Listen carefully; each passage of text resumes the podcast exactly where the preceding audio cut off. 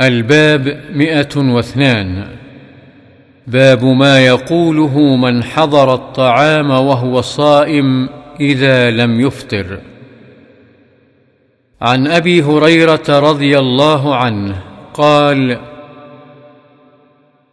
قال رسول الله صلى الله عليه وسلم إذا دعي أحدكم فليجب. فإن كان صائما فليصل وإن كان مفطرا فليطعم. رواه مسلم. قال العلماء معنى فليصل فليدع. فليدع ومعنى فليطعم فليأكل.